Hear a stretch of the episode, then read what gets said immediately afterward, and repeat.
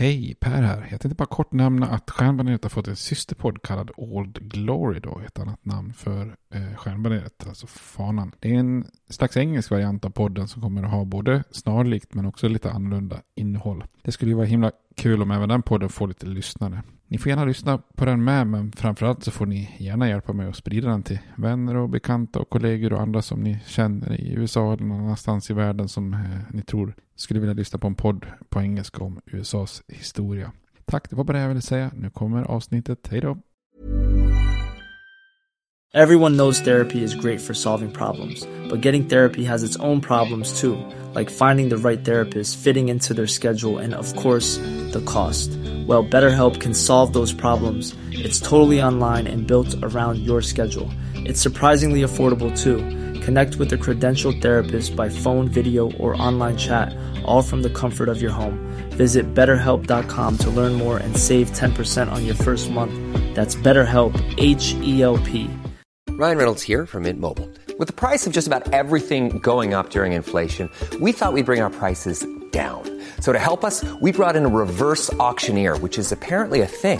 Mint Mobile unlimited premium wireless. Ready to get 30, 30, bit to get 30, bit to get 20, 20, 20, bit to get 20, 20, bit to get 15, 15, 15, 15 just 15 bucks a month. So, Give it a try at mintmobile.com slash switch.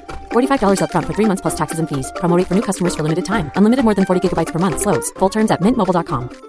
I'm Sandra, and I'm just the professional your small business was looking for. But you didn't hire me because you didn't use LinkedIn jobs. LinkedIn has professionals you can't find anywhere else, including those who aren't actively looking for a new job but might be open to the perfect role, like me. In a given month, over 70% of LinkedIn users don't visit other leading job sites. So if you're not looking on LinkedIn, you'll miss out on great candidates like Sandra. Start hiring professionals like a professional. Post your free job on linkedin.com/people today. Stjärnbaneret. En podcast om USAs historia.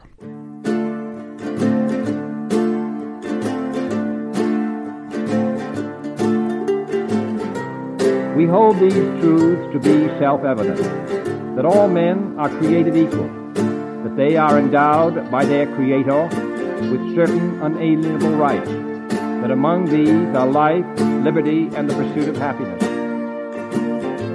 Now we are engaged in a great civil war, testing that government of the people, by the people, for the people, shall not perish from the earth.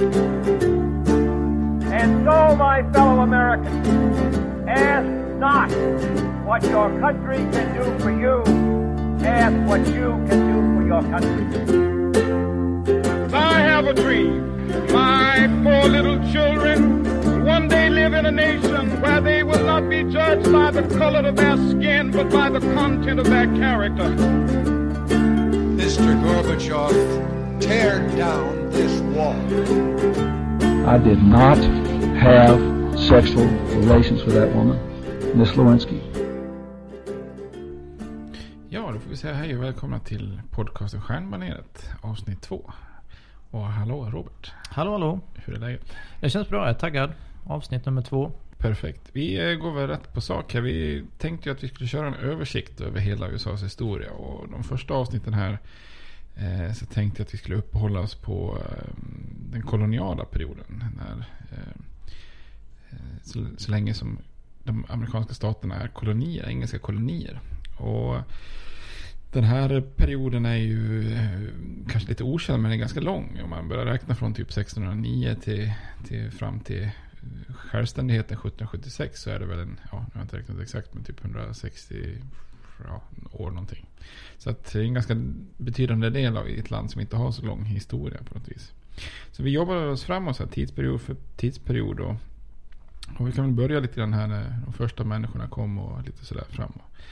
Eh, fram genom kulturkrocken som blir när européerna anländer. Men först, alltså, om man sätter sig och lyssnar på detta avsnitt i en fåtölj och vill ha något gott att dricka. Och, då måste vi rekommendera någon bra öl också. Jag var lite inne på att vi kommer ju nämna Leif Eriksson här, Vikingen. Mhm. Vad får du för association när vi säger Leif? ja. Jag tänker ju på den här belgiska ölen, Leffe då. Ja, Leffe blond eller Leffe brun. Ja. Nu vet vi inte om Leif Eriksson var blond direkt men... Nej, ingen aning Nej. faktiskt. Man tänker sig att han är vild, vithårig eller något sånt där. Jag tänker nästan lite rödlätt. Ja, det Men- kanske han är. ja. Ja. Hans far hette ju, hade ju tilltalet Röde. Så Ja, det precis, precis. Det, ja, men det kanske är Det finns ju faktiskt en, men den är ju inte så lätt att rekommendera. Det finns ju en Leffe Radiös, en röd variant. Eh, varken blond eller brun. Men vi Säg, säg blond, jag Ja, vi jag. ska ju inte, Leffe blond. Vi ska ju inte, mm, spon, vi är inte direkt sponsrade, vi ska inte göra reklam. Så vi kan väl säga är en belgisk blond kan vi säga. Ja. En sån öl är ju aldrig fel. Liksom. Det, är, det är en sån man gärna öppnar upp. Du nämnde ju 1609 här då. eh, Som ett årtal när du ska ta avstamp. Men det, det finns ju en historia före det också. Hur, eh, vad, vad kan man säga om eh, ursprungsbefolkningen då? Som fanns innan européerna kom till kontinenten. Ja, det, det är ju lite oklart faktiskt. Vem, vem är det som var först egentligen på, på kontinenten här? Lite grann var, när och hur kom de? Det är ju en sån här klassisk tvistefråga då. Men eh, det de flesta är ganska överens om är att det har skett en eller flera vågor av invandring över en landbrygga uppe vid Beringsund. Då, alltså från Sibirien till Alaska då. Eh, Tänker man sig på isen då? Eller en, en landbrygga i form av Ja, jag- att landet har suttit ihop? säkert, ja, säkert rimfrost, men jag, jag vet inte. Jag tror att det, att det var helt enkelt en, en- befintlig landbrygga. Men Mm. man kunde i alla fall på ett eller annat sätt kunde man liksom bara promenera över där då. Och man brukar säga typ kanske någonstans 17 000 till 11 000 år sedan. Så att det gör ju att man tänker, om man tänker Ryssland idag, Sibirien, det är ju första amerikanerna var alltså ryssar kan man säga. Mm. Eh, och sen har de då spritt sig söderut och österut på, eh, på i Amerika då. Och det är ganska enorma kontinenter att befolka men det har tydligen gått ganska snabbt då. Men det som gör eh, såna här arkeologer lite förbryllade det är ju att det också finns spår som tyder på att det finns människor som är besläktade med Australiens ursprungsinvånare som kanske redan har funnits där för 20-50 000 år sedan. Och då är det lite så oklart hur har de kommit? Har de jag vet inte, kommit över vattnet eller någonting sånt där? Typ någon sån här Kontiki-variant. Har du sett den flotten? Nej. Kontiki, jag kan rekommendera I. Oslo, eller? Ja, precis. Eh, Rätt vågat ge sig ut på den där eh, flotten. Det finns väl en ganska nygjord uh, spelfilm som heter Kontiki nu också? Ja, just det. Det gör det. det, ja. Ja, jag vet inte om jag, det var ju några dårar som också dök upp och skulle försöka spela in en porrfilm Ja, på Kontiki. Men de hade nog inte lic- licens tillåtelse för det. Ja, hur som helst. Men de kanske kom på en sån här Kontiki-variant. Och eh, det man ser då är ju att de äldre spåren är ju längre söderut i Sydamerika. Så att då kanske de antagligen har trängt söderut av de här immigranterna från norr. Om vi kallar dem för ryssarna. Kanske lite politiskt inkorrekt. Men, Ehm, och det här har ju förbryllat en del forskare. För om man enbart tror på emigration från norr och Alaska så borde ju de äldsta fornlämningarna egentligen vara i norr då. och De nyaste i söder. Men nu är de äldsta upptäckta där då. Men sen var det ju helt nyligen här för bara kanske någon månad sedan. Så då helt plötsligt har man hittat något fynd i södra Kalifornien som var väldigt revolutionerande. Ehm, och de här var ju hisnande äldre. Jag tror inte det är fynd av människor men det är fynd av ben som ser ut att bearbetas av människor. Och de här är tydligen 130 000 år gamla. Och det för mig var ju det bara, jaha, Mm. man, kan inte relatera. Men eh, det är alltså, om man ska jämföra det här så är det ungefär samtidigt som, ja vid den här tiden har inte ens Homo sapiens utvandrat från Afrika till, till Europa och Asien. Så att då är det ju nog en annan typ av människoart. Så det är ju spännande upptäckt. Vi får se om de hittar något mer kring det. 130 000 år sedan nämner du det. Men vi kanske inte ska uppehålla oss vid den tidpunkten så länge. Men om man tänker nu när européerna dyker upp här då. Hur stor är ursprungsbefolkningen i det som har blivit USA? Ja, det är så mycket kvalificerade gissningar då. Men vid tiden för man säger upptäckten då, om man kan kalla det för det då. Eh, så fanns det ju lågt räknat, så säger vissa 30 miljoner invånare i hela Amerika då. Alltså, eh, Eh, och kanske uppåt, uppåt 100 miljoner som högsta gissningen. Och många kanske gissar på någonstans runt 50 miljoner då. Men de flesta kanske då bodde i Sydamerika och så. Så att i Nordamerika norr om Mexiko, alltså det som idag är USA och Kanada, så kanske man uppskattar att det fanns runt 2 miljoner ursprungsamerikaner. Då. Och det var ju många olika språk, typ runt 300 olika språk totalt. Då man lever ju oftast i någon form av samhälle av klaner eller större nationer. Och ofta som nomader eller halvnomader och sådär. Och tänker man rent historiskt på en, på en eh, ursprungsindian, eller ursprungsbefolkning, indian, vad, vad ser du framför dig då? Ja, bar på överkroppen tänker man ju. Och, eh, mockasiner, långt hår. eh, En yxa, en tomahawk som det kallas va? det, ja. Ja. Och eh, ja, det är väl det. Ja, Eh, Gärna en, en krigsmålning då ser jag väl. Lite fördomsfullt framför mig då. precis. Och det är, och det är ofta sådana här... Den här... och Ofta bilder på indianer faktiskt. Det, var bra, du nämnde inte det. Det, var, det brukar ofta sitta på hästryggen också. Typ på någon filt. För de har ju ingen sadel. de är ja. skickliga riddare. sådär. Men det är ju rätt roligt också. För det är ju, hästar är ju ett rätt modernt fenomen. För de som fanns ursprungligen, de försvann eh, från Nordamerika. Eller från Amerika. Så att hästen kommer ju liksom tillbaka med Columbus. Så, det är rätt spännande. Liksom. Man tänker stereotypen av indianer alltid har häst på något vis. Men det är ganska ny, nytt fenomen bland eh, ursprungsamerikaner. Då. Det hade jag ju lite koll på som historielärare Ja, faktiskt. Så eh, det får väl räknas som fusk då. Ja, ja. Ja. mm, så det får vara så. Ehm, nej, och det, men det, om man tittar på typ en klassisk vilda västern så är det ju oftast de här ganska renodlade jägarsamhällena på de här stora slätterna liksom som man tänker på då. Eh, mycket så här vilda västern indianer. Men om man tittar på östkusten då, när de indianstammar som fanns där när, när det, vid koloniseringen då så de var ju vad man brukar kalla för hortikulturella. Så att man då, man visst man jagar och samlar men man ägnar också sig åt odlingar då. Och odla grönsaker, frukt och bär och oftast på lite mindre områden. Och oftast att man blandar liksom grödorna på, något- på något sätt. Och, eh, och oftast bränner de marken så det blir lite grann, vad heter det, så här, typ lite så här svedjebruk. Om Mm. man jämför med, med, med, Sveriges historia då. Eh, Men de är ju väldigt effektiva då för att de odlar ju majs och potatis. Det finns ju inte i Europa vid den här tiden. Så- Och det är ungefär dubbelt så mycket kalorier per odlad yta jämfört med vetekorn och havre då. Och det här är lite bortglömt eftersom det som präglas är ju europeiska synen på jordbruk. Och, eh, alltså de, när de tittar på en sån indianjordbruk då blir det så här, vad är det här för en liten trädgård? Alltså ska du jordbruk då får du ju bara med ploga liksom och öppna fält och, och sånt där. Jag ska inte ägna sig åt trädgårdsarbete. Och det låg ju lite i europeiskt intre, intresse att se marken som odlad. För rent legalt och moraliskt så ansåg man ju då att man kunde ta, ta land i anspråk som inte var ockuperat. Det vill säga inte var bebott eller uppodlat eller inringat av något staket eller något sånt där. Nej, och tittar man då på alla de här koloniala rättigheterna så till exempel från engelska kungen så är det ju alltid rätten att äga land som inte ägs av någon kristen prins eller folk. Så det ligger ju i deras intresse att se det som vildmark mycket då. När det gäller de här två olika kontinenterna som möts nu då. Det blir ju en, man kanske inte ska säga kulturkrock eller så kan man säga det. Jag vet inte om det är Ja. rätt ord att, använda. Men eh, vad är de största skillnaderna mellan det som blir USA, sen Nordamerika här då, och Europa? Eh, ja, det finns ju några ganska viktiga skillnader. För det första har de ju inte, de har inte uppfunnit hjulet i, i, eh, på, i Amerika. Så att eh, jag antar att de slipper höra folk som säger att vi inte behöver uppfinna hjulet igen. För de har liksom inte gjort det från första början. ja, det var låg. Ja. Ja.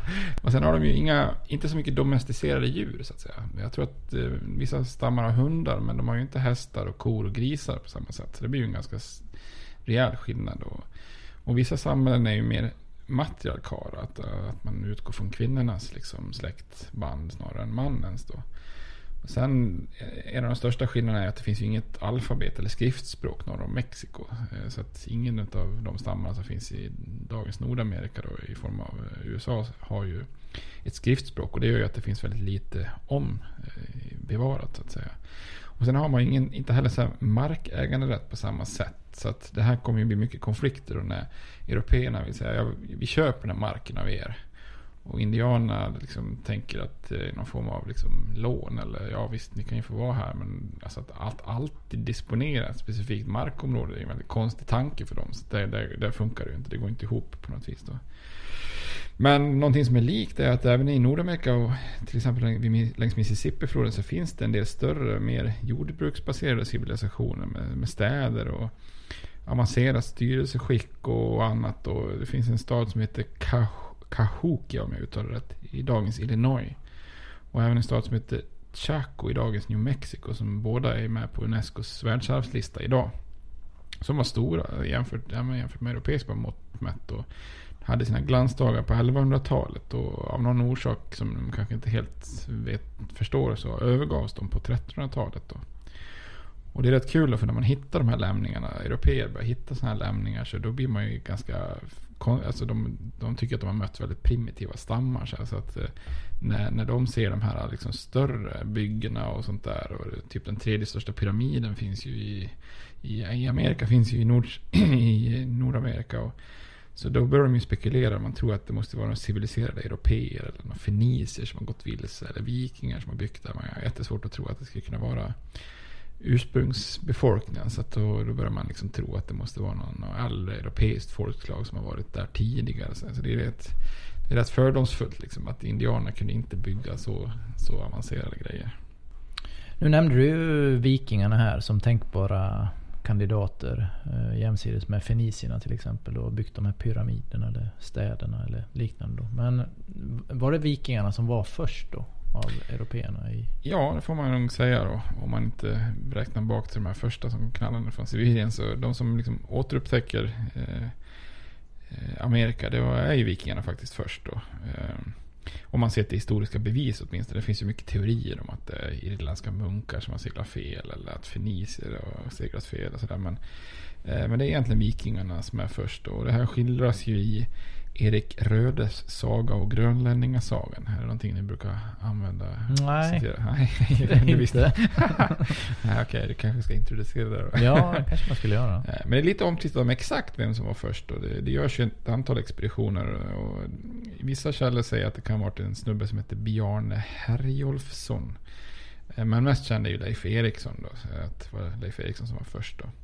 Eh, Och den här Leif Eriksson, han är ju det är ju intressant om man gör en liten parentes på just honom där. Han verkar komma från en jäkligt bråkig familj. Alltså som hela tiden tvingas på något vis fly västerut där. Hans, hans farfar Torvald Osvaldsson dömdes som fredlös i Norge. Så han utvandrade till eh, Island med sin son Erik Röde.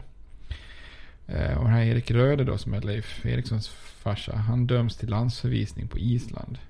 Och det är då han gör resor västerut där han upptäcker en ö som han namnger som Grönland. Då.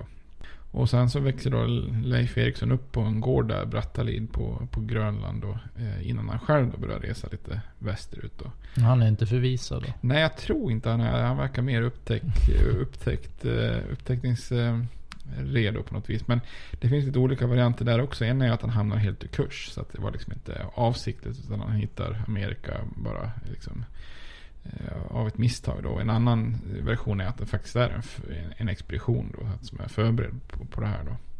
Men ganska jämnt år 1000 så landstiger han i, i Nordamerika sannolikt som första europeer någonsin. Och de seglar ju förbi ett antal landområden som de kallar lite för lite olika saker. Då. Dels eh, Helluland som man kanske ska översätta stenland, vilket kanske har varit Baffin Island eh, idag. Eh, och en annan som man kallar för markland som man ska kunna översätta som skogsland. Vilket då antagligen var Labrador, eh, halv, eh, halvön eller ön eller vad det är. Och sen är det då Vinland som antagligen då är Newfoundland. Eh, och ordet vin kunde tydligen betyda både, både vinranka och gräs. Så antagligen växte det inga vindruvor där så att man kanske borde översätta det mer som gräslandet. Liksom Mm. Men han gör två resor till Amerika Leif då. Och hans bror Torvald reser också dit. Men han dödas av ursprungsinvånarna. Och ursprungsinvånarna kallar de ju för skrälingar. Eh, Egentligen samma ord som de använder för inuiter som de har träffat på innan då. Jag vet inte egentligen vad skräling betyder. Det låter som att det är Nej, det var nytt för mig det ordet faktiskt. Kanske eh, högljudda skräningar. eller Mhm. Jag vet inte. Eh, men enligt Erik Rödes saga då så seglar en expedition av 160 män, några kvinnor, lite boskap under ledning av en, en kille som heter Torfinn Karlshamn i början av 100-talet och anlägger en bosättning då. Man kan se som första kolonin då. Eller första koloniseringsförsöket då. Och Eh, man, även om det är bra förutsättningar så misslyckas man lite. Så det är lite in, inre stridigheter och det man har ju långt kontakter med Norden och det är strider med ursprungsinvånarna och så vidare. Så att efter ett antal år så upphör den här bosättningen då. Men den liknar ju senare kolonisering. Och det här var ju länge bara spekulationer. Men på men 1960 så vid en plats som har ett väldigt så här franskt namn. Lance och Meadows eller någonting sånt där. Eh, ingen aning hur det uttalas. En plats på Newfoundland och så lyckas man hitta då arkeologiska lämningar. Så att de hittar typ åtta byggnader, en smedja, en brädgård. Så att då är ju bevisen då att de har faktiskt haft en, en koloni där, eh, vikingarna då. Och enligt eh, en del källor då så har de gjort lite utflyktningar. De kanske har varit längs St. Lawrence-floden eller någonting sånt där. Alltså den här stora floden som går in där vid Kanada. Um, och man har ju hittat spår som tyder på att de måste ha varit längre söderut. Alltså kärnor från vissa växter finns i de här husen. Som växter som inte fanns på New, Newfoundland. Så det kan ju vara att de har varit söderut i dagens New England. Liksom, kanske runt, ja, ner mot Boston-trakten eller någonting sånt där. Och det här är en historia som oftast har varit ganska okänd eller man har inte uppmärksammat det så mycket i USA. Men 1964 så fattade kongressen ett beslut om att uppmärksamma den här delen av USAs historia. Så att 9 oktober som ju varit ganska nyligen så är det Leif Ericsson Day helt enkelt. Då. Ja, det var nytt för mig. Jag, jag såg på Twitter då att Carl Bildt hade skrivit en tweet om det. Ja, typiskt Carl Bildt. Ja. Mm. Och ja, Vikingarnas upptäckt blir ju liksom mest då stoff, eh, stoft för nordiska sagor. Det finns liksom inga stora nationer som kan backa upp någon större kolonisering. Brukar man ha som förklaring då att det inte liksom blev något mer stabilt då. Eh, men man kan ju fundera på det också. I och för sig avståndet, men vikingarna höll ju nästan på att ta över hela Storbritannien. Så att, och göra det till en, eh, ett skandinaviskt land, så varför skulle de inte kunna klara av att ha lite kolonier kan man tycka. Men ja, jag antar att det är lite långt, långt pendlingsavstånd att dra iväg till, till Nordamerika.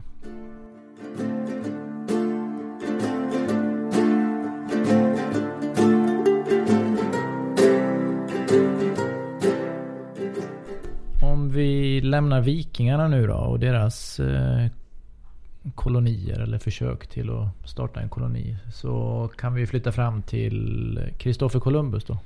1492. Ja, precis, det viktiga årtalet. Mm. Ja. Och det är ju så. Ja, Amerika blir liksom lite oupptäckt då om man säger det. Eh, fram tills, tills att europeiska sjöförare börjar korsa Atlanten då. Och mest berömd är ju Columbus eftersom han gjorde den där första resan 1492. Eh, men det var ju också andra som var bättre på att rapportera och det är ju liksom en av orsakerna till att kontinenten inte döpt efter honom då. Eh, och man går tillbaka till orsaken, man förstår det här. Varför har, varför har inte Amerika upptäckts innan då? Så ska man gå på orsaken så kan man väl nästan, tycker jag, utse Urban den andra som skyldig. Eh, han är ju den som startar korstågen och det blir ju någon form av händelsekedja som, som förr eller senare leder fram till Columbus upptäckt av Amerika då. Jag vet inte, korstågen brukar ni, det brukar ni väl ändå gå in på? Ja, ja, Det, det går vi igenom. Och det startar ju då efter den här Urban II. Han uppmanar ju år 1095 att man ska frita det hela landet då. Och det, det misslyckas man ju med lite generellt. Eller ja, man har väl framgångar också. Men, ja, så. Men, men det som det här gör är att det växer ett enormt intresse för exotiska varor som man upptäcker då i Mellanöstern. Alltså kryddor, silke, bomull och så vidare. Och och så har man ju Marco Polo och hans resor som jag, jag vet inte, är det, vissa av dem är skrönor och andra har han gjort. Jag är inte riktigt blivit klok på det men... Nej, vi går sällan igenom Marco Polo på historielektionerna. Men ja. jag skulle tro att det är en, en, en kombination. Ja. ja. Men hans, oavsett så är de här skildringarna väldigt stark marknadsföring för, för eh, de här varorna och exotiska varor. Det blir liksom lite storytelling som inom management. Och då börjar folk vilja ha de här varorna från Indien och Kina. Man blir lite krydd, kryddjunkies liksom. Man vill ha de här grejerna.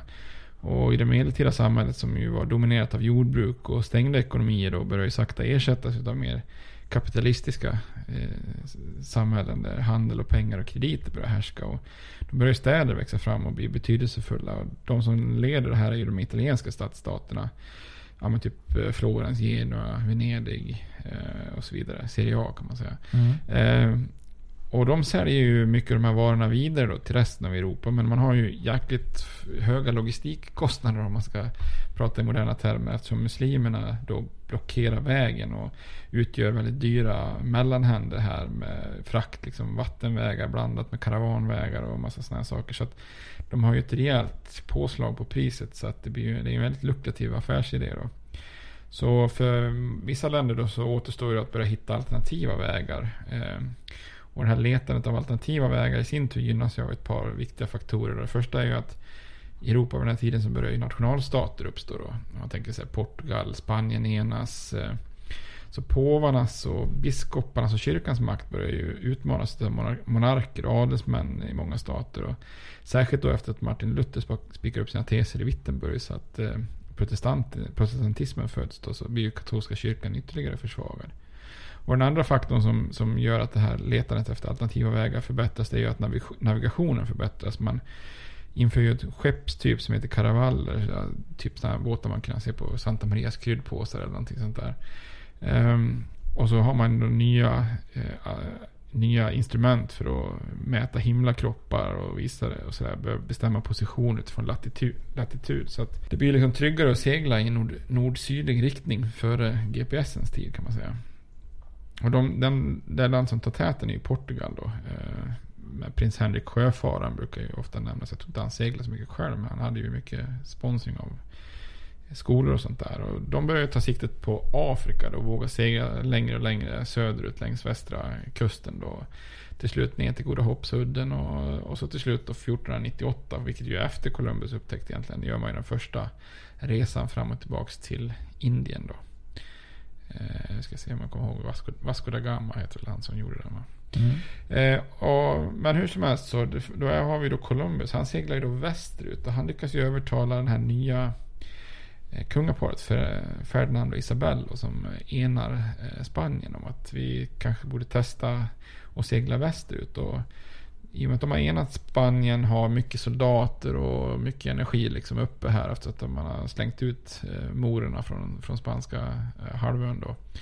Eh, vilket också faktiskt är sista fästet. Granada faller ju 1492. Så, mm -hmm. Och samtidigt utvisar de alla judar från Spanien. Vilket får lite kapitalistiska följder. Så 1492 Jaha. är väldigt händelserik i Spaniens historia. Ja, du ser. Du ser att jag trycker på det. Ja, precis. Ja, det ska man göra. Och det är faktiskt, om man förstår den här återerövringen av spanska halvön så vet man att det är små, små, små riken där uppe i norr. Liksom. Det är ju typ eh, Katalonien och Baskien, Baskien och de här små då, och Kastilien mm. och så vidare. Och de erövrar ju sakta men säkert söderut. Men i och med att de här Kastiljen och Aragon då, med, under de här kungaparets ledning tar täten så är det ju de som liksom expanderar mest. Mm. Och det gör ju att spanska språket är ju egentligen inte spanska, det heter ju castiliano, alltså mm. kast, kastiliska. Så det är ju också en sån här grej. Ja, nu vart det mycket parentes. Tillbaks till Columbus då. Du nämnde ju Genua här också. Han är väl från Genua, han är väl italienare? Precis, jajamän. Jag tror att eh, typ Cristobal Colon eller något sånt. Mm. Det kanske är spanska, jag vet inte. Men hur som helst, då, han eh, seglar ju då västerut eh, eftersom Portugal dominerar Afrikas västkust. Och det brukar oftast, jag vet när vi växte upp var det väl ofta att man fick någon slags undervisning om att det var för att han var så jävla smart att jorden var rund och att han vågade vara så duktig att segla mm. västerut. Men eh, han upptäcker ju egentligen Amerika för att han är en så jävla dålig geograf snarare än att han är en bra geograf. För de flesta visste vid den tiden att jorden var, var rund. Då.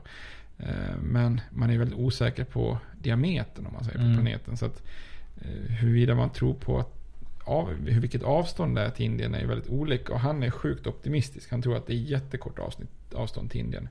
Och han tror ju att han är Indien också mm. när han kommer till Amerika. Det är ganska långt kvar om man skulle ta sig vidare till Indien. Då. Så han underskattar ju avståndet och liksom snubblar på en ny kontinent. Och han tror ju att det är Indien. Och det är därför de han kallar ju ursprungsinvånarna för indianer. Mm. Vilket ju egentligen är helt sjukt att man fortfarande ja. gör det. Liksom. Västindien då, kommer ja, han ju till då. Precis, ja, men jag menar det. är ju, ja, Västindien, indianer, det är ju egentligen helt skruvade namn egentligen. På någonting helt annat då. Um, ja, och det, det, kan man ju säga. Vi kommer väl att använda det här namnet. Alltså vi säger väl ursprungsamerikaner och indianer lite om vartannat. Ja. Så jag tror inte... Eh, många gör väl det. Vi, vi kör på de termerna. Nu är Columbus framme då. Eh, han, han, tror ju att han är i Indien. Det tror han ända fram till sin död om inte ja, jag... jag tror det. Ja. Fyra resor. Och det var ju en, en handelsresa från början. Nu, nu blir det ingen handel med Indien här utan det blir ju med eh, Västindien och så småningom eh, Nordamerika, Sydamerika och så vidare. Du nämnde ju tidigare att en av varorna, nej två av varorna eh, som inte fanns i Europa fanns ju här då i Nordamerika och Sydamerika. Det var ju majs och potatis. Vad är det mer för varor som, som, kommer, som det kommer handlas med här emellan? Ja, det är ganska mycket varor som är unikt för de här kontinenterna. Så att så fort det börjar färdas människor fram och tillbaka över Atlanten så blir det egentligen som två ekosystem som blandas och krockas. Liksom. Eh, så det är en biologisk krock. Du säger kulturkrock, men det är ju även, även en biologisk krock. Då. Och, och från den gamla världen så eh, eller med sig från, från den eh, gamla världen så tar de med sig vete, socker, ris och kaffe. Som man kan odla då, i den nya. Eh, men från den nya världen tar man ju med sig mycket roligt. Och majs och potatis har vi redan nämnt. Men ananas, tomater, tobak, bönor, jordgubbar, pumpa, vanilj, kakao. Det är inga dåliga grejer. Nej. Ingen sill och potatis eller chokladbollar om inte det här hade skett. Då. Eh, och potatis och majs blir ju en enorm sån här bidrag i, i, som kan försörja en växande befolkning i, i Europa. Då. Och från den nya världen så tar man ju också mängder av guld och silver. Då. Särskilt spanjorerna har ju enorma liksom, flottor med guld som korsar. Och därför landet blir så rikt. Då. Eh, och det är det som lockar många också att åka över. Då. Eh, och från den gamla världen så tar man ju djur som hästar, kor och grisar. Eh, men tyvärr är det ju också eh, afrikanska slavar. Det är ju kanske en av de vanligaste varorna som européerna tar med sig till, till Amerika. Och en sak som påverkar mänskligheten väldigt stort det är de sjukdomar som byts mellan världarna. Och det är ju en fruktansvärt ojämn match då. För från Europa så kommer smittkoppor, mässling, influensa, tyfoidfeber, scharlakansfeber, difteri, böldpest. Och från Amerika kommer enbart syfilis. Okej. Okay. Eh, så kontakten med europeer får ju enorma följder för ursprungsbefolkningen. Och i princip är det ju som ett biologiskt krig. Då. kan skicka över en biologisk bomb. Liksom de här sjukdomarna slår ju stenhårt. Och så runt 80% av ursprungsbefolkningen dör ju totalt eh, på ganska, liksom, inte så jättelång tid. Då. Av sjukdomar? Av sjukdomar. Mm. Och i många regioner så utrotas ju nästan hela stammar. Då, så här. Och ibland blir det så att du kanske åker över någon enstaka utforskare eller fiskare och så kontakt med indianerna smittar dem. Eh, och sen när det kommer ett koloniseringsförsök tio år senare, då har ju sjukdomen redan liksom mm. berett väg. Så att då helt, kanske helt plötsligt finns knappt någon stam överhuvudtaget kvar i området som man kommer till. Då. Så ursprungsinvånarna i, i, i, hela Amerika då går ju kanske från, ja, från cirka 50 miljoner någonting då 1492 till runt 5 miljoner 650. Så det går ganska fort då. Och i Nordamerika kanske från 2 miljoner till 500 000 på, på den här tidsperioden då. Eh, så att det här utbytet mellan den gamla och nya världen är ju fruktansvärt eh, ojämnt. Och det är mycket ädelmetall och näringsrik föda i en riktning då. Och så sjukdomar och död i den andra mm. riktningen kan man säga. Så det är orättvist som bara den då. Men det är väl, om man tittar på tobak då och syfilis. Det, det är väl ändå det som får ses som en liten hämnd från den nya världen till den gamla. Ja, man, man röker och blir ohälsosam och får syfilis då. Men man kan ju ha ett viss förståelse på något vis att ursprungsamerikaner idag kanske inte är så jättesugna på att fira Columbusdagen. Liksom. Det är egentligen eh, förknippat med ganska mycket död och eh, sjukdomar och förtryck.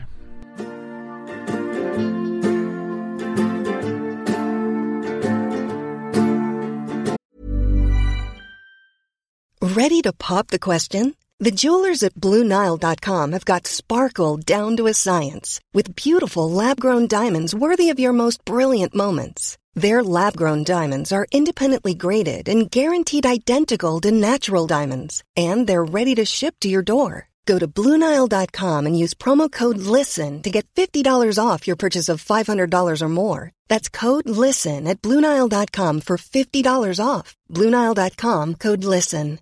Everyone knows therapy is great for solving problems, but getting therapy has its own problems too, like finding the right therapist, fitting into their schedule, and of course, the cost. Well, BetterHelp can solve those problems. It's totally online and built around your schedule. It's surprisingly affordable too. Connect with a credentialed therapist by phone, video, or online chat, all from the comfort of your home. Visit betterhelp.com to learn more and save 10% on your first month. That's BetterHelp H E L P.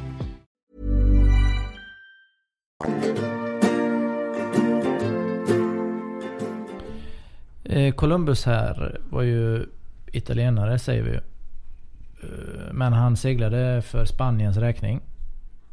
Hur kommer det sig här nu att eh, det som idag är USA, varför blir inte det spanskt? Precis. Los Estados Unidos. Sí. Muy bien. Eh, entonces. sí. eh, nej men spanjorerna är ju, de är ju intresserade av hela Amerika men de har ju en väldig fokus på Central och Sydamerika. Man tänker på de här Eh, konkistadorerna och eh, Cortés och de här. Och man hittar ju så mycket rikedomar då. Och, och man är också lite grann ute efter för att få slavar och konvertera ursprungsbefolkningen med lite dubblare spanjorerna.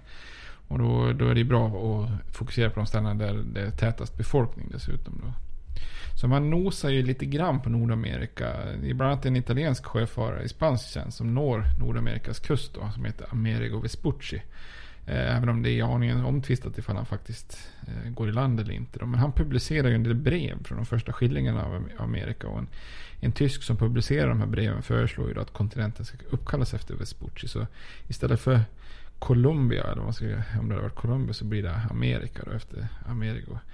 Eh, men vi som svenskar tycker att det borde heta Leifland. Ja. Leiflands förenta landskap kanske Ja. hade varit ett bra na- namn för USA. Men eh, det är flera spanjorer som gör de allra första expeditionerna in i landet i Nordamerika. Eh, I Florida eh, är man ganska tidigt inne på att utforska då. Det finns två kända där. Eh, Juan Ponce de Leon och Cabeza de Vaca som, som drar runt i, i Florida.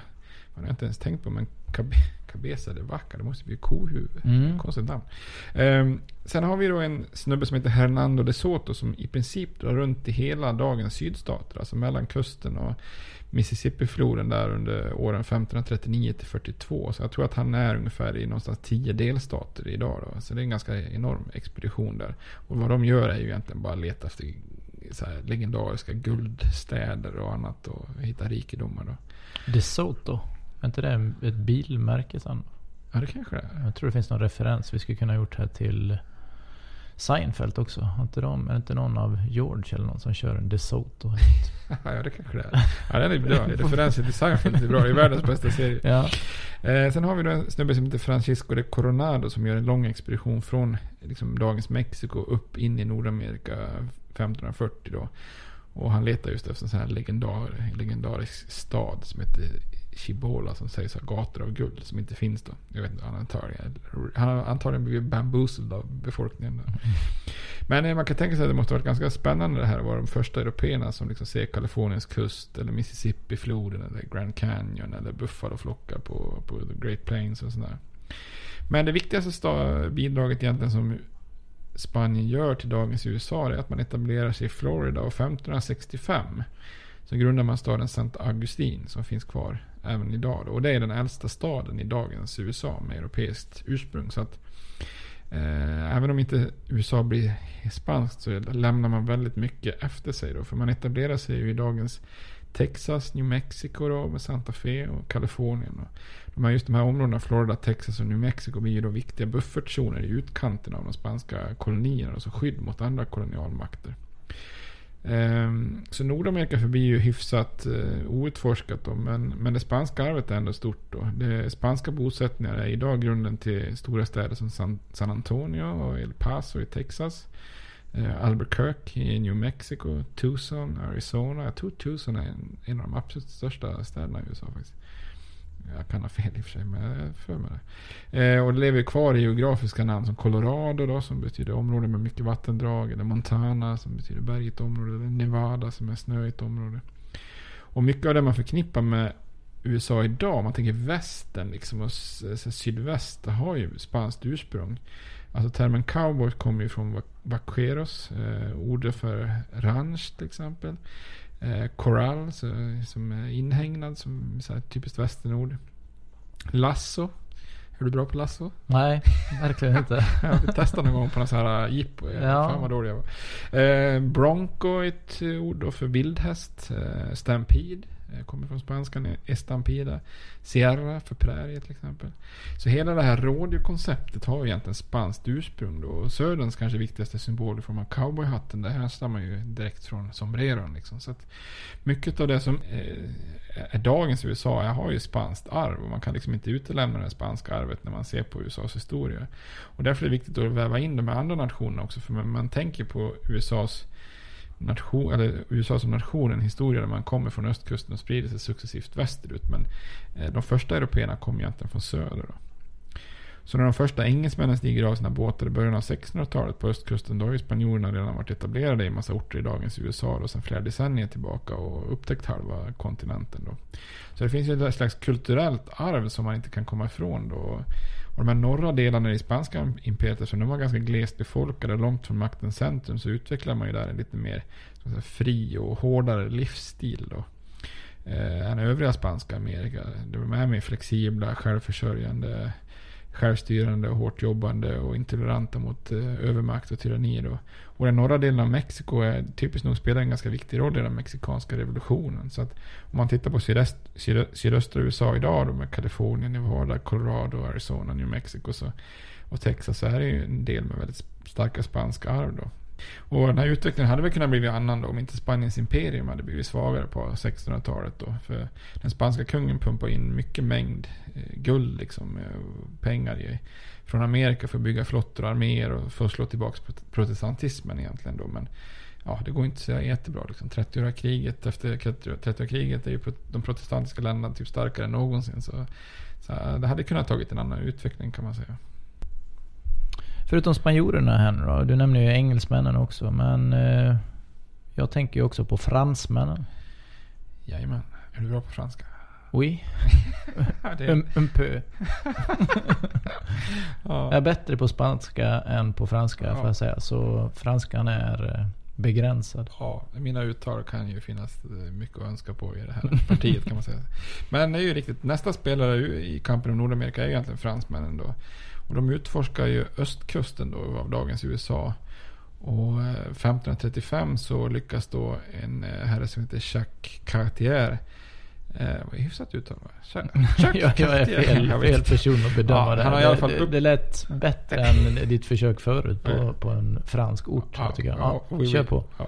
Han försöker i alla fall leta efter sån här nordostpassage. Alltså man försöker komma runt till Indien fortfarande och tänker sig att man ska kunna bara ta sig förbi Amerika som ett hinder. Liksom. Och, Eh, och hitta vägen till Indien då. Och då hittar han ju den här stora St. Lawrence-floden där med inlopp på östkusten i dagens Kanada. Som går till de här stora sjöarna. Och, eh, han seglar så långt som dagens Montreal då. Men eh, han lyckas inte etablera några bosättningar. Men det här blir på grunden till att Frankrike gör anspråk på, på dagens östra Kanada då.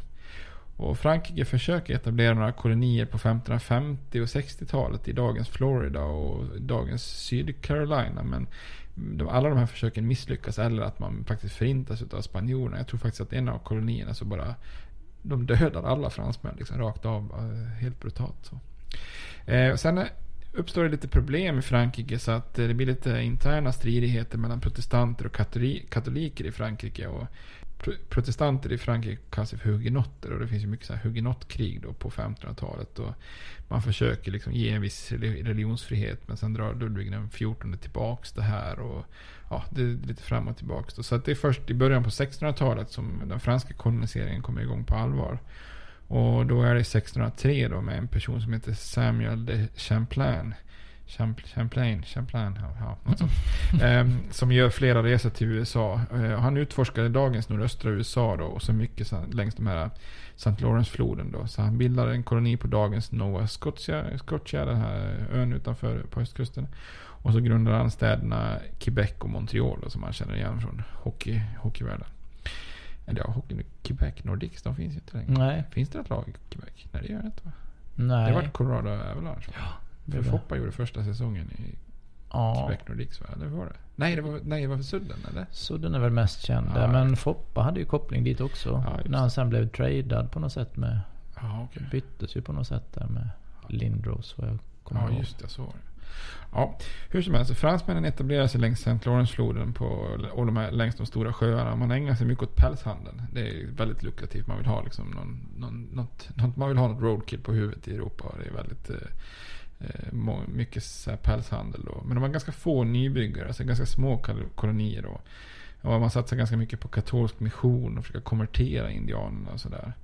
Eh, 1663 då så blir nya Frankrike en kronkoloni, alltså ägs av staten och eh, kungen då under Ludvig XIV. Och, Ah, man försöker blåsa liv i kolonin och öka befolkningen. Bland annat skickar man flickor från barnhem i Paris eh, för att hoppas på någon form av naturlig befolkningsökning. Ökning, som man kallas för Fille de kungens döttrar. Um, och man förblir där uppe i Kanada ända fram till 1673. Då skickar man en stor expedition under en man med titeln De La Salle. Eh, för att ta reda på om den här, man har upptäckt Mississippi-floden då. Eh, och då funderar man, mynnar den här ut söderut i Mexikanska golfen eller mynnar den ut västerut i Kalifornien så att man kan ta sig vidare då ut mot Indien. Eh, så upptäcker man ju då att den mynnar ut i Mexikanska gulfen då. Och eftersom det spanska imperiet börjar försvagas vid den här tiden då så etablerar man sig där i mynningen då. Och LaSalle döper det här området efter kungen då till Louisiana. Och om man etablerar... Är det efter Ludvig den 14 då? Ja, precis. Och vad- hur säger man det på franska? Ludvig den 14? Ja. Louis XIV. ja, det gör man kanske. Ja. ja bra. Eh, och um, så runt sekelskiftet 1700 så döper man flera, eller sk- skapar man flera städer och byar där eh, som, som är kända. Typ St. Louis i, i, vid Mississippi-floden och nere vid kusten då Biloxi på Mississippi, Mo- Mobile på Alabama och New Orleans då som är kanske mer känt i, i Louisiana då. Längs den mexikanska golfen då. Och det gör att man kopplar liksom greppet om båda de stora sjöarna i norr eh, där man etablerat sig städer som till exempel Detroit 1701 och, och sen så utforskar man sig söderut vid dagens Illinois, Minnesota och sen ner längs hela Mississippifloden. Um, och man blir liksom en ganska utspridd koloni då. eh, från Mississippifloden i, hela vägen söderut upp till norr då. Mycket handelsmän, pälsjägare, munkar som fär, färdas längs de här sjöarna då. Fram och tillbaka. Så. Eh, och det här kommer ju också sen att leda till konflikter med engelsmännen. För det gör ju att man stänger in de engelska kolonierna på östkusten. Så vill man från engelskt håll expandera så är ju Frankrike liksom helt enkelt bara rakt i vägen då. Så fransmännen rör sig då i en nord-sydlig riktning fram och tillbaks med handelsvägar via floderna. Ja, och sen precis. kommer krocka med engelsmännen så småningom då. Precis. Och um, år 1700 så är den totala franska befolkningen 25 000 då. Och då är redan engelsmännen uppe i 250 000. Så det kommer att bli viss skillnad där. Men trots det är lite nackdelar med kallt klimat och att man inte kanske har hittat så himla mycket lukrativa varor förutom då pälshandeln pälshandel så, så lämnar, är det ändå nya Frankrike en imponerande koloni eh, som på allvar kan utmana England i, i Nordamerika. Och, och man lämnar ett ganska stort arv efter sig precis som span, spanjorerna då. Det är ju franska bosättningar som är grunden till stora städer som Detroit, Des Moines i Iowa, St. Louis i Missouri och så vidare. Och även de här som jag nämnde tidigare, New Orleans och Mobile och flera olika. Och även språkmässigt, precis som spanskan har en massa ord. Så prärie till exempel är ett gammalt franskt ord då. Eh, och man har också i Nya Frankrike en lite mer öppet förhållande kanske till ursprungsbefolkningen. Visserligen är man ju så här lite kulturellt överlägsen att man vill konvertera dem till katolska läran. Men samtidigt så det är ganska glest befolkat. Så det är helt okej att man, många tar sig en, fra- en, en, en indiantjej till fru och sådana saker. Man börjar blanda upp liksom kulturen på ett helt annat sätt. Och, och den här öppenheten att kulturerna kan samexistera. Det är ju faktiskt någonting som man nästan kan se arv av i dagens Kanada. Som är ju väldigt eh, positivt till invandring och sådana saker. Men även sån här lite kreolsk kultur i Louisiana med mat och musik och annat. Så att säga. Förutom de här tre stora du har nämnt nu då. Spanien började du med och vi var inne på England och så nu senast då Frankrike. Så man tänker ju också då på Nederländerna. Ja, precis. Eh, nästa gäng ut kan man säga är Nederländerna. Och det är ju ett land som gör sig självständigt från Spanien på 1500-talet och blir en slags republik. och ja, Väldigt blomstrande land runt eh, just handelsmässigt och en riktig sjöfararnation kan man säga under 1600-talet. Och 1609 så seglar en, eh, faktiskt en engelsman, Henry Hudson, som är i holländsk tjänst. Då. Han seglar upp för den flod som sen får hans namn, då, Hudsonfloden, som ligger där vid New York idag. Då. Eh, och etablerar en del handelsposteringar. Och de viktigaste baserna i det som blir de nya Nederländerna är då Nya Amsterdam som är dagens New York då. Och eh, Fort Orange som är dagens Albany som ligger då eh, längre upp i delstaten New York som är New Yorks eh, huvudstad kan man säga. Då. Och det, är ju, det här gör de ju också det här köpet av Manhattan som är legendariskt. Och eh, man köper det för en billig peng då. Eh, och den här kolonin liknar ju Nya Frankrike eh, i Kanada. Att den lever väldigt mycket på pälshandel snarare än kolonisering i sig då. Eh, men vi tänkte vi skulle prata mer om Nya Nederländerna senare när vi pratar eh, om New York då eftersom eh, Eh, New York har väldigt mycket holländskt arv då. Eh, Typ ord som Yankee, Boss, eh, ortsnamn som Harlem, Brooklyn har ju då holländskt arv. Men jag tänkte vi tar det sist då. Så, eh, så går vi in mer på kanske då eh, Englands förhållande till, till Nordamerika.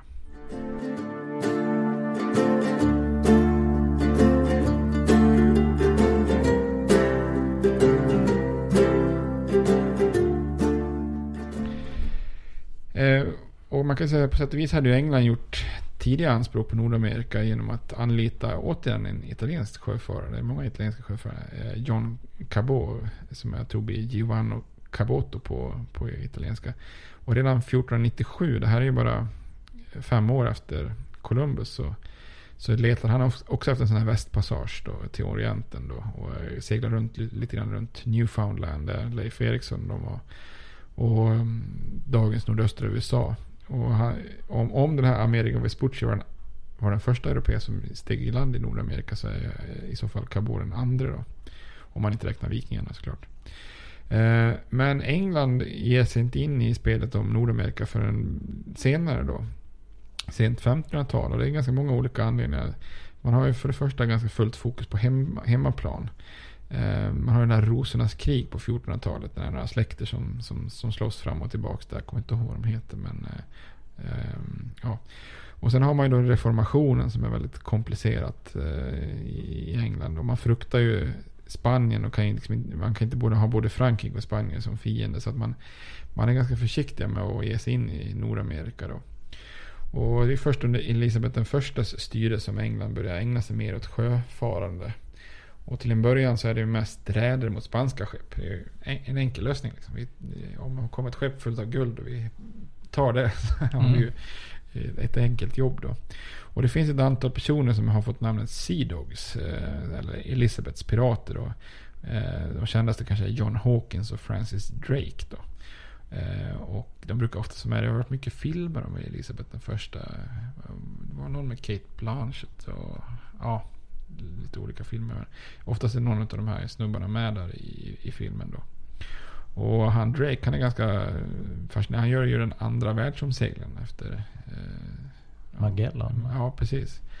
Eller hur ska man uttala hans namn då? Jag vet inte ens om man... Ja, Magellan? Magellan, eller mm. ja, något sånt. Han dör väl på vägen runt där va? Ja, precis. Det är, man tvistar om vem som egentligen var först. Mm. Han, han var ju inte först runt. Och hans andra man eller, eller han var egentligen, han hade seglat österut först. Han är den första personen som har korsat alla latituder tror jag. Ja. Eh, även om han dör då under den där. Men, eh, och han som förde befäl, han är inte egentligen först. För jag, jag tror att det är någon slavpojke som Magellan har tagit i, i, i något eh, något land och fört västerut mm. sen ombord. Så han är ju egentligen den som fullbordar det. Ja, fast det är ju inte samma resa så det kanske man inte heller ska räkna med.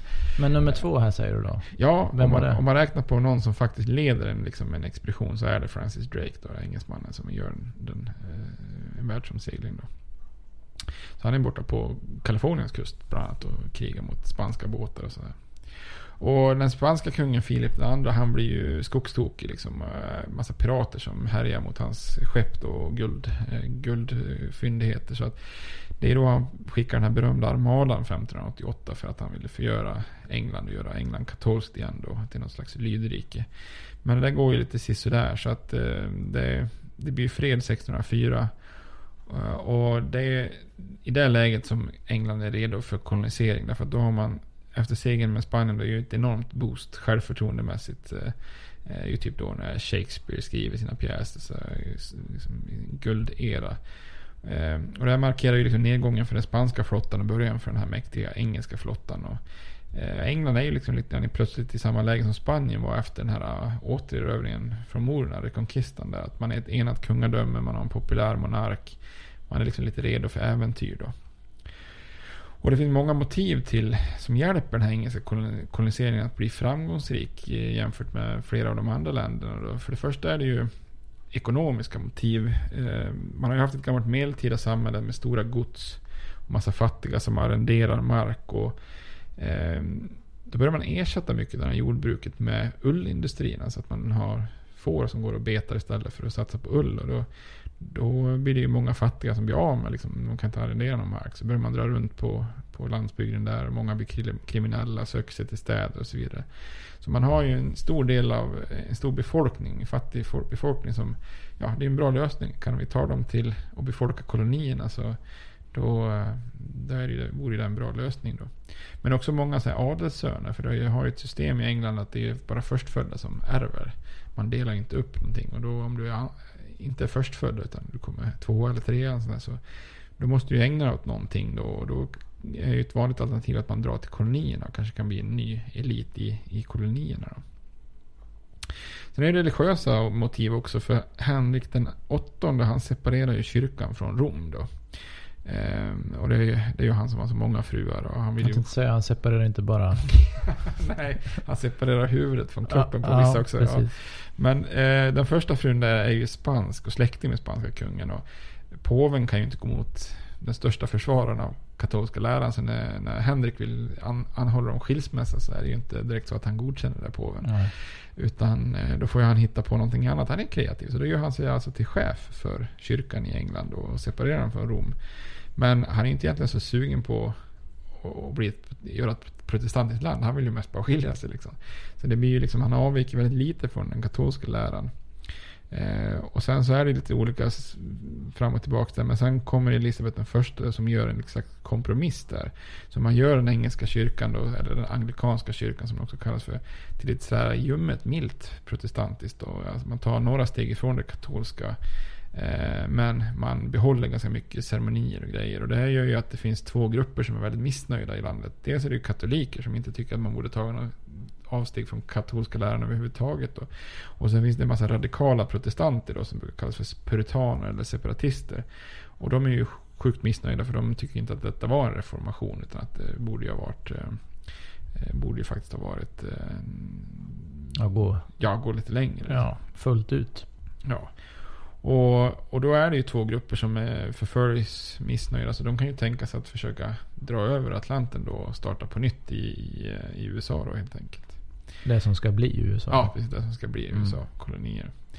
Och sen finns det också politiska motiv. England är ju en monarki, men det är inte en absolut monarki där kungen är helt enväldig. Utan adelsmän och så kallade commons, det är ju inte vanliga, eh, vanligt folk. Så jag sitter ju i citationstecken, det är bra när man spelar på Mm.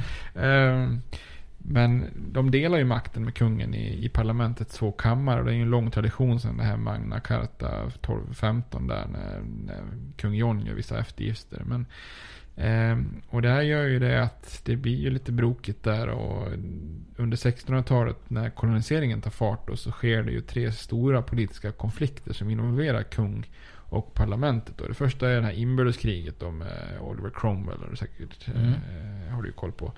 Och där kungen avrättas och så vidare. Stökig historia då.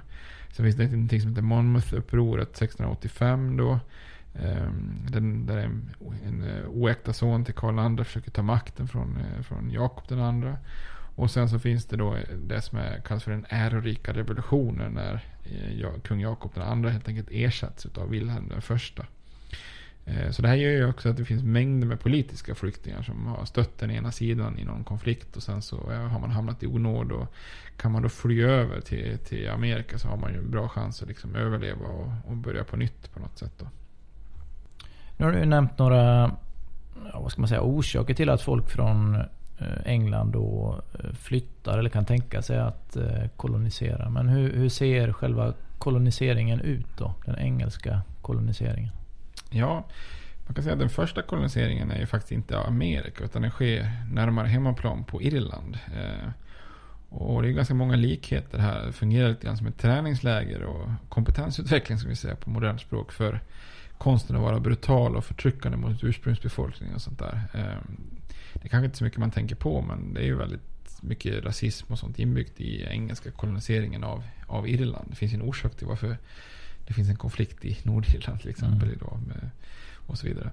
Eh, men de här första engelska försöken att kolonisera Nordamerika, det sker ungefär samtidigt som det här eh, kriget mot Spanien, den här armadan, eh, 1588.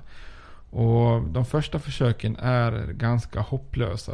Det finns kan man säga en grupp väldigt rika adelsmän som är intresserade av att skapa kolonier. Och, och bland deras försök så är det mest kända besöket kolonin Roanoke. Och, ehm, som ju då är eh, öar som ligger utanför dagens eh, Nordcarolina. Och den som inleder det här eh, är en adelsman som heter Sir Walter Raleigh. Ja, han är ju en sån här snuskigt rik snubbe då. Och 1585 så skickar han iväg en liten grupp kolonister till, till, till dagens eh, Nordcarolina då. Och det finns ju faktiskt en stad det fortfarande idag. I, Ja, där som säga det. Raleigh. Jag vet inte, jag- det kan till och med vara huvudstaden. Jag ska, det ska låta osagt. Men det är en, en av de större städerna i Nordcarolina i alla fall. Och på den här lilla ön då, Roanoke, så slår de sig ner då. Men eh, ja, det går inte så jättebra. De har väldigt svårt för att försörja sig. Och de schabblar med relationen med indianerna. Och om det är vid något tillfälle någon, någon indian som stjäl en sak och då, då hamnas man i att bränna ner en hel by då för att statuera exempel. Man känner sig lite klantigt, man är i underläge liksom, eh, försöker överleva någonstans och så ägnar man sig åt sådana saker. De hundra som liksom överlever i början här, de, de återvänder när han Francis Drake dyker upp med några skepp. Så säger de att vi har fått nog av det här, vi drar tillbaka till, till, till England. Då. Men den här eh, Raleigh, han skrapar ihop mer pengar då och så skickar han en ny grupp och väljer ut en person som heter Ralph Lane som, eh, som, som han tror ska bli stabil och kunna sköta den kolonin. Och 1587 så ger de sig tillbaka till Roanoke då. Vilket är lite underligt för det är ingen bra plats. Så, så de hade ju order om att välja en annan bättre plats. Men, men man återvänder till exakt samma plats då. Och då är det faktiskt där som det första engelsk-amerikanska barnet föds. Får namnet Virginia Dare faktiskt. Mhm. Det låter som en saga tycker jag. Eller en Mm. bok. Virginia. Eh, men det som är olyckligt med det här då är att eftersom kriget då bröt ut mot Spanien då, eh, så kan ju inte kolonin få någon understöd. Eh, alltså alla skepp behövs ju mot armadan. Så att de får liksom klara sig där borta då. När en slags expedition anländer 1591 för att liksom eh, se om de har överlevt. Då, då är ju kolonin över, helt enkelt övergiven. Och på ett träd så är det någon som har ristat in ordet Croatan. Ehm, och det finns ju väldigt många teorier om vad som har hänt. Och Croatan är ju någon form av lokal stam i närheten. Och eh, där egentligen, de gör nog inte jättemycket efterforskningar. Men den här kolonin brukar då kallas för The Lost Colony, den förlorade kolonin.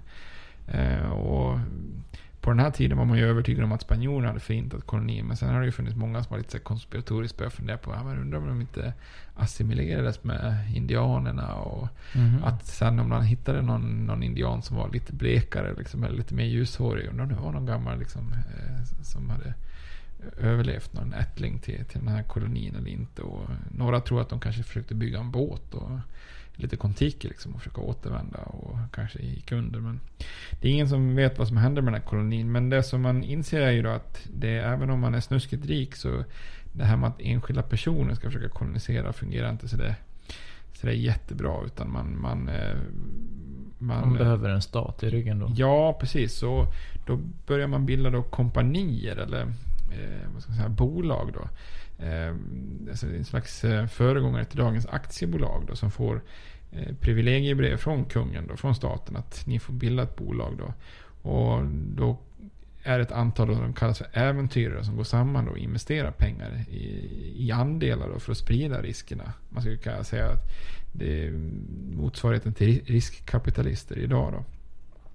Och det mest kända sådana här kompaniet är det Ostindiska kompaniet. Det har ju funnits även i, i, i Sverige och många andra länder. Eh, men i England så fanns det även Muscovado-kompaniet som handlar med Ryssland. Eller Afrika-kompaniet som handlar med slavar och så vidare. Men för att kolonisera Amerika så skapar man två bolag som kallas för London-kompaniet och Plymouth-kompaniet. Utifrån de städer där investerarna finns då. Och de här kompanierna ger rätten att kolonisera USAs östkust som man då kallar för Virginia. Eh, uppkallat då efter drottning Elizabeth den första eftersom hon var ju oskuld. Såklart. A virgin. Ja, ja, a virgin queen. Mm. Så då blir det Virginia helt enkelt då. Så i slutet av 1600-talet så är ju England redo då. Kriget med Spanien är slut. Irland har kuvats och koloniserats. England och Skottlands kronor har enats under kung Jakob den första som också är Jakob den sjätte i Skottland. Då. Och så står de här kompanierna i startgroparna och man har liksom lite mer kapital och möjlighet att investera. Då. Och efter det då så då är det helt enkelt dags för de första eh, engelska kolonierna. Men det tänkte jag att vi skulle ta i, i nästa avsnitt. Nu har vi liksom bakgrunden till, till detta. Ja. Och då kan man ju fundera på varför, varför har vi gått igenom allt, allt det här då? Eh, alltså, nu har vi pratat mycket om Spanien, Frankrike, Nederländerna och så vidare då. Eh, och det är ju på något vis att USAs historia för många amerikaner startar ju med, med revolutionen och självständigheten då. Och, och, men revolutionen i sig är ju helt obegriplig om man inte kan och förstå sig på det koloniala Nordamerika. För eh, den koloniala perioden var, varar ju faktiskt under, eh, under drygt 160 år. Och förstår man liksom inte varför kolonierna såg ut som de gjorde, agerade som de gjorde, då är det jättesvårt att förstå varför gjorde de egentligen uppror mot England och förklarade sig själva för självständ, eh, självständiga. Då.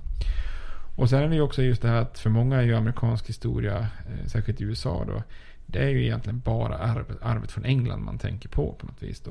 Eh, och de engelska kolonierna. Och, men eh, man ser ju här att USA växer liksom över hela kontinenten. Och man sväljer ju kolonier från Spanien, Frankrike, Nederländerna och även Sverige som vi kommer att komma in på en liten, som jag har lämnat lite arv i, i runt dagens Delaware och Pennsylvania, New Jersey.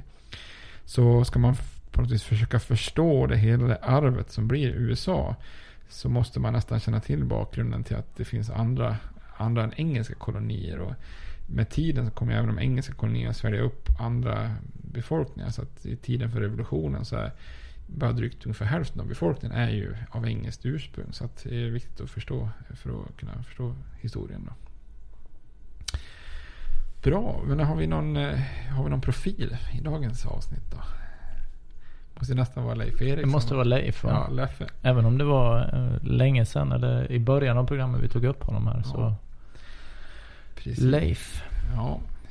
Eh, förra, förra avsnittet så kollade vi lite grann också. eh, Kan man hitta historien i form av namnen på idrottslag? Här borde det finnas en hel del. Ja, det finns en, en mängd olika. Nu har vi inte nämnt, eh, vi har inte kommit in så mycket. Du nämnde det lite kort här. Och svenska kolonier eller skandinaviska. Men vi har ju uppe i Minnesota. Kallar ju sig då för Vikings bland annat. Mycket träffande för det avsnittet. Ja. Eh, Vikings som sådant är väl inget jättestarkt lag. De spelar ju då amerikansk fotboll, NFL. De, eh, de har varit i Super Bowl-final eh, fyra gånger men de har aldrig, aldrig vunnit då. Ja, det hade jag inte koll De har sin storhetsperiod under 70-talet där och har väl en, en hel del spelare från den eran i de här eh, som amerikanerna är så förtjusta i. Hall of Fame eller Ja, upp, okej, okej. upplyfter då till någon sorts legendstatus där då. Eh, under den tiden vi var lite intresserade av eh, amerikansk fotboll. Jag vet inte om du kommer ihåg det men. Jo. Ja, då, då hade de väl eh, den mest kända spelaren var Warren Moon. En afroamerikansk quarterback. Ah, Som sen var inblandad i en del skandaler. Ja, ja. Men det har ju ingen koppling direkt till, till, till eh, det koloniala eh, tiden då på det sättet. Men namnet Vikings är ju förknippat med det. Du nämnde ju tidigare Broncos. Vi har Denver Broncos då som kan kopplas till, till Spanien. Eh, vi har ju eh, Saints nere i eh, Just det, New Orleans. ja, New Orleans då. De var i Super Bowl. Ja, de vann ju det va? Ja, där har, jag. där har jag lite för dålig koll på dem. Ja, det är ju efter det. jag har tappat lite intresset för. Men det här Saints då, helgon, helgon är ju då kopplat till katolska och den, den franska utvandringen. Utöver det jättemycket kring ursprungsbefolkningen. Vi hade Cleveland eh, Indians, vi har. Washington Redskins och, och liknande då. Och Chicago Blackhawks. Ja, I hockey. inte att förglömma hockey. vassa. Och jag tror Washington Redskins, det tror jag också det har varit någon så här kontrovers va, kring namnet. Ja. Att, att det, ja, jag kan förstå det. Rödskinn liksom, inte kanske Nej, precis. supersnyggt namn. Ja, och jag, jag tänkte på just eh, det här avsnittet också. Du hade ju en skiva när vi var yngre. eh, The Goats, en rap, Ja. rapskiva. Tricks of the Shade. Fantastisk gammal låt. Eh, Jag har ju kollat någon gång, jag har inte hittat den på Spotify. Jag hittade Jag har den sökt många gånger också efter The Goats Ja. faktiskt. Men, jag, Men nu finns den såg jag på Spotify och det måste vi ju rekommendera. Just låten Tricks of the Shade med The Goats. Som ju har fantastiska referenser Ja, till just verkligen, Columbus och verkligen. historien. Eh, Jag, skrev ner ett citat där som jag tyckte var helt lysande. Eh, Columbus killed more Indians than Hitler killed Jews. But on his birthday you get sales on shoes. Den Mm. tyckte jag var bra. Ja. Columbus Day. Mm. Ja, ja, men det finns mycket, mycket referenser. Så att eh, den koloniala historien är helt klart levande. Helt klart. Ska vi ge oss här då? Ja, Ja, det gör vi. Då säger vi hej då. Tack för idag. Tack, hej. States like these and their terrorist allies constitute an axis of evil. And if the hippies and the yippies and the disruptors of the systems that Washington and Lincoln as presidents brought forth in this country will shut up and work within our free system of government, I will lower my voice. if the impeachment provision in the Constitution of the United States will not reach the offenses charged here, then perhaps that 18th century Constitution should be abandoned to a 20th century paper shredder. Therefore, I shall resign the presidency effective at noon tomorrow.